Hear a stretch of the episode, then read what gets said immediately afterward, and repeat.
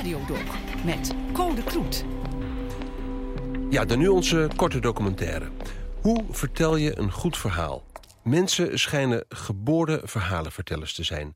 Maar wat nou als je dat niet zo gemakkelijk afgaat? Luc Hezen schaart zichzelf in die laatste categorie... en zoekt in een driedelige serie uit hoe je een verhaal goed vertelt. Aflevering 1. Welke vorm kies je? Je vraagt de aandacht. En dan gaat het erom dat je even zegt waar het om gaat. Zodat mensen personages die er eventueel in je anekdote zijn, dat ze die al kunnen plaatsen. Ik kan ze me levendig herinneren. De zondagochtenden bij mijn opa en oma in de woonkamer. In de voorkamer kan geen stoel meer staan. Overal zijn ooms en tantes, neefjes en nichtjes. Ze voeren het hoogste woord, ook de familieleden jonger dan ik. Over sport, over werk, over het weer. In mij komt niets op om te vertellen. En al was het zo, dan zou ik nog niet weten hoe. Dit verhaal begint zo'n 20 jaar geleden in een stadje in de achterhoek. Onze hoofdpersoon groeit op in een liefdevol gezin en is een vrolijke jongen. Maar een echte prater is het niet. Hoi mam, Hoi. ik ben bezig met die ehm, eh, reportage. Die documentaire over het vertellen van een verhaal. Kun jij je nog herinneren of ik als jongetje een beetje kon vertellen? Nou, als ik je van school haalde en je was, kwam tussenmiddag thuis om een boterham te eten, dan eh, vroeg ik wel eens hoe de ochtend verlopen was. Ja, gewoon goed, zei je dan. En dan moest ik als het ware eh, het, eruit, het verhaal eruit trekken wat je die ochtend gedaan had. Nog steeds, ruim 20 jaar later, luister ik vol bewondering naar goede vertellers. Wat moet het fantastisch zijn om aan een tafel te zitten met vrienden, wijn erbij, eten en een spannend, smakelijk verhaal te kunnen vertellen. En om dat te leren ga ik op zoek naar hoe je een goed verhaal vertelt. In de eerste aflevering, welke vorm kies je? Mijn zoektocht begint in Enschede, bij de Universiteit van Twente. Daar doen ze onderzoek naar levensverhalen. Ik spreek directeur en adjunct hoogleraar psychologie Gerben Westerhof. Waarom vertellen wij eigenlijk verhalen? Ja, meteen een, eh, een behoorlijk moeilijke vraag. Ja, we vertellen eigenlijk verhalen om, om betekenis eh, te geven aan de dingen die we meemaken in ons leven. Als er iets gebeurt wat uitzonderlijk is, als er iemand overlijdt of als je eh, iets heel leuks, bijzonders hebt meegemaakt, waar je graag eigenlijk betekenis aan wil geven en waar je ja, ook vaak vragen gaat stellen van nou, waarom gebeurt mij dit eigenlijk? Dat ga je ja, door het maken van een verhaal aan elkaar proberen te breien. En, eh, te, te passen aan, aan patronen die je kent. Dus een verhaal is eigenlijk de verbinding tussen wat je zelf meemaakt en de buitenwereld. Wereld, eh, ja, ja, zo zou je het mooi kunnen samenvatten. Ik heb al het idee gehad eh, dat ja, verhalen eigenlijk een, een ervaring pas echt maken of zo. Je hoort Matthijs Sanders. Hij was jarenlang universitair docent cultuurwetenschappen, vooral bezig met literatuurgeschiedenis. En sinds een paar maanden is hij hoogleraar moderne letterkunde aan de Universiteit van Groningen. Stel je nou voor dat je, dat, dat je wil vertellen wat je op een dag hebt meegemaakt. Dat je s'avonds in een gezelschap wil vertellen. En je zou alles wat er op die dag gebeurd is, alles wat je hebt waargenomen, wil je van voor naar achter mededelen. Nou, dat zou niemand kunnen begrijpen. En je zou het zelf ook niet kunnen vertellen. Hè, Dus je laat altijd dingen weg en bepaalde gebeurtenissen krijgen een groot accent en andere krijgen minder aandacht. En zo vorm je eigenlijk een verhaal. En dat verhaal is de belevenis. Of dat verhaal wordt de belevenis. Ik denk dat we heel erg van nature verhalenvertellers zijn. Maar, psycholoog Westerhof, hoe bouw je zo'n verhaal dan op? Een verhaal heeft eigenlijk altijd een aantal verschillende elementen in zich. Hè. Er is natuurlijk altijd iemand eh, die iets doet, de hoofdpersoon eh, in het verhaal. Ja, en dan heb je ja, het gedrag wat die vertoont. Het gebeurt altijd in een bepaalde setting. Mensen doen dan dingen met een bepaald doel en ze krijgen eh, daar hulp van, eh, van andere mensen of, eh, of tegenwerking van, van andere mensen of van de omstandigheden waar ze in zitten. En vaak zit daar een spanning in. Zoals je, je bent verliefd op iemand en je wil die graag hebben en daarmee trouwen. Maar ja, de weg naar het huwelijk is, is vol met allerlei obstakels. En ja, je, doel wordt op allerlei verschillende manieren eh, tegengewerkt. Eh, Door dat te overwinnen groei je zelf ook weer. Word je misschien zelfs een beter persoon. eh, leer je weer wat over jezelf. Dat zijn zo van die ja, van die standaard verhalen waarin je dan ziet van hé, maar er staat iets op het spel voor mensen. Oké, dat zou dus betekenen dat ik in dit verhaal de hoofdpersoon ben. Mijn doel is een verhaal vertellen. De omstandigheden hebben me tegengewerkt, maar ik krijg hulp van experts. En aan het eind van deze serie kan ik een verhaal vertellen. A, B, C. Maar is dat al een verhaal?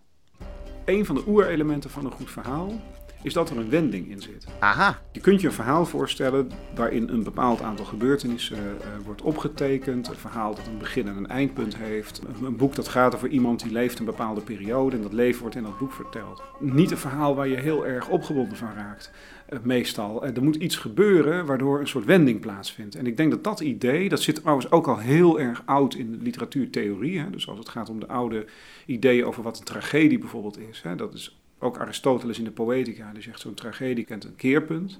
Hè, waarin bijvoorbeeld de held tot inzicht komt of een catastrofale fout maakt, een inschattingsfout maakt en alles verandert. Ehm, en ik denk dat goede verhalen altijd zo'n soort draaipunt moeten hebben. maar waarom eigenlijk? Waarom willen wij dat? Dat is een hele goede vraag. Waarom wil... Ja, ik denk toch omdat we spanning zoeken. En omdat je luistert naar verhalen en ook verhalen leest, omdat je toegang wil krijgen tot een wereld die je niet helemaal kent, maar wel wilt begrijpen. Ik bedoel, iedereen maakt in zijn leven keerpunten mee. Hè? Gebeurtenissen waardoor het leven er opeens anders uitziet. En ik denk dat we van verhalen ook verwachten dat ze ons daar iets van laten zien. Het is anders dan mijn eigen wereld, maar ik herken hier wel iets, hè? bijvoorbeeld een verhaalpatroon, eh, waardoor ik ook mijn eigen leven als lezer beter kan begrijpen. En verdomd, als je erop let, duikt die verhaalstructuur op heel veel plekken op. We concentreren ons in verhalen blijkbaar op het personage, het doel, een wendepunt en de nieuwe situatie die daardoor ontstaat. Van succesvol zakenman tot leider van het machtigste land ter wereld. Tegen de verwachting in van heel veel mensen wint republikein Donald Trump de verkiezingen. Personage, doel, wendepunt, nieuwe situatie. Wie had dat gedacht? Van villa op een tropisch strand naar kamperen in eigen land. Zo ontzettend veel emotionele hoogte- en dieptepunten binnen drie jaar tijd. Wat schiet u dan nu te binnen dat u zegt dat... Ja, natuurlijk, eh, mijn broers begrafenis, dat is toch wel nog steeds heel erg aangrijpend als ik dat zie. Ja. Ja. Vertelt u daar eens wat over. Hoe leeft u ermee? Wat, wat, wat schiet u nu Nou, door uw hoofd? eh, Een publiek wil dus blijkbaar meeleven en zien hoe andere mensen met keerpunten omgaan. Op YouTube vind je tientallen TED-talks over verhalen vertellen. En expert in filmscripts Julian Friedman legt het zo uit. When we're looking up at the screen, we're not looking at the actors who are saying your wonderful lines. We're not looking at the characters you have so lavishly and lovingly created. We're certainly not looking at you. We're looking at ourselves. Maar hoe zit het dan in dit verhaal? Wat is hier het keerpunt? Ik weet nu meer over een verhaalstructuur, maar is dat genoeg voor een interessante wending? Kan ik niet onder dat keerpunt uit? Ja, er zijn, ik denk niet dat er, eh, ehm, dat er misschien wetten zijn. Kijk, het vertellen van verhalen is wel eens vergeleken met het sluiten van een contract. Hè? Dus de verhalenverteller sluit een contract met zijn publiek. In dat contract speelt context een belangrijke rol. Hè? Dus gebeurt dat in een politieke arena, in een televisiestudio, in een collegezaal, in, eh, op straat of de markt enzovoort. Het maakt deel uit van dat contract. Maar dat betekent dat het publiek als het ware impliciet akkoord gaat met dat contract. En dan kun je twee situaties voorstellen, twee extreme situaties, namelijk de spreker eerbiedigt het contract. Betekent dat hij beantwoordt aan de verwachtingen van het publiek en dat er een soort harmonie is. Of je kunt een verteller hebben die breekt met het contract, die pleegt contractbreuk, provoceert daarmee zijn publiek. Dat publiek kan zeggen, wij zeggen ook dat contract op. Of het publiek kan zeggen, ik vind het een zo authentiek verhaal en een zo verrassende spreker, ik voel mij op een positieve manier geprovoceerd en we vernieuwen het contract. Nou, ik denk dat is een beetje een rare metafoor misschien, maar dat je zo, laten we zeggen, als het gaat om de effectiviteit van verhalen, er zo naar zou kunnen kijken. Je kunt dus blijkbaar wel afwijken van de standaard verhaalstructuur, maar dan moet je uitzonderlijk authentiek kunnen vertellen. Dat zie ik mezelf nog niet doen, dus kan ik volgens mij mijn aandacht beter richten op een van die oude vertelvormen, namelijk het sprookje. Ik ga voor een voorbeeld van hoe het moet naar de vrouw die mij en hele generaties met mij heeft laten kennismaken met de vertelkunst. In Sesamstraat op tv, maar voor mij persoonlijk vooral in de Schouwburg, waar ik als klein jochie ademloos aan haar lippen hing toen ze Anansi-verhalen vertelde. Eeuwenoude sprookjes uit West-Afrika en de Caribiën over de slimme en ondeugende spin Anansi. Hallo. Goedemorgen. Gerre Haventoon. leuk u te ontmoeten. Welkom. Dankjewel. Het is natuurlijk een beetje stom waarom ik hier zit, want ik, ik ben 31 en ik kan geen verhaal vertellen. Ja, nou, naar, naar alle waarschijnlijkheid onvoldoende de kans gepakt, de kans gekregen om een verhaal te vertellen. Kijk, uh, in de eerste plaats vertellen met je eigen woorden. Zorgen dat je het verhaal goed kent, want daar begint het mee. Je vraagt de aandacht.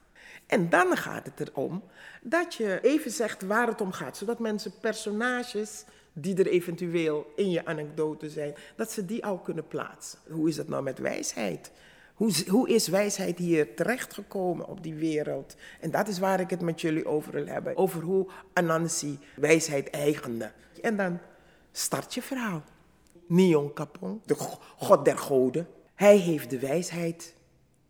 En hij zegt, Anansi die moet de wijsheid beschermen en zien dat hij die wijsheid verdeelt. Anansi op zich. Dat zou Anansi niet zijn als hij niet bedenkt van, ik wil die wijsheid zelf behouden. Maar hoe? Anansi ligt in zijn hangmat, schommelt een paar keer heen en weer en denkt na, valt lichtelijk in slaap, snurkt. En opeens weet hij het. Die grote Kankantribo, daar, daar gaat hij in klimmen en dan gaat hij daarboven wonen. Heeft hij een overzicht over de hele wereld. En dan hoeft hij zich geen zorgen te maken. Die wijsheid was gestopt in een kalebas, een hele grote kalebas. Anansi pakt de kalebas, de lint dat om, dat om die kalebas heen hing, hing hij om zijn nek en de kalebas op zijn buik. En daar gaat hij. Hij klimt in die hele dikke, niet te omarmen Kankantribo. En Anansi klimt. Onderaan de boom, de stam, toen hij ergens halverwege het midden was, hoorde hij een stemmetje. Anansi, meneer Anansi, ik wil wat vertellen. Anansi denkt, wat een brutaliteit. Wat een brutaliteit. Wie gaat mij toch aanspreken? En Anansi klauwt het weer en hij glijdt een heel stuk. Meneer Anansi, meneer Anansi, ik wil wat zeggen. Hij keert zich om, kijkt naar beneden. Hij was al halverwege. Ja, vertel op. U kunt beter die kalebas op uw rug hangen, dan kunt u makkelijker klimmen. En Anansi schrikt. Hij schrikt, hij draait met de kalebas. Kalebas komt op zijn rug terecht, maar hij kan niet meer vasthouden. En badam. Daar ligt Anansi op de grond. De kalebas barst in miljarden stukken. Alle wijsheid die erin was, verspreidt zich over de wereld. En Anansi ligt en krijgt ook een stukje. Zo is wijsheid op de wereld gekomen, meneer. Waanzinnig. Het is deze hoofdpersoon inmiddels duidelijk dat er een verhaalstructuur is die heel goed werkt. Maar hanteren we die structuur ook in onze gedachten? Welke verhalen vertellen we aan onszelf en aan anderen om onze eigen identiteit vorm te geven?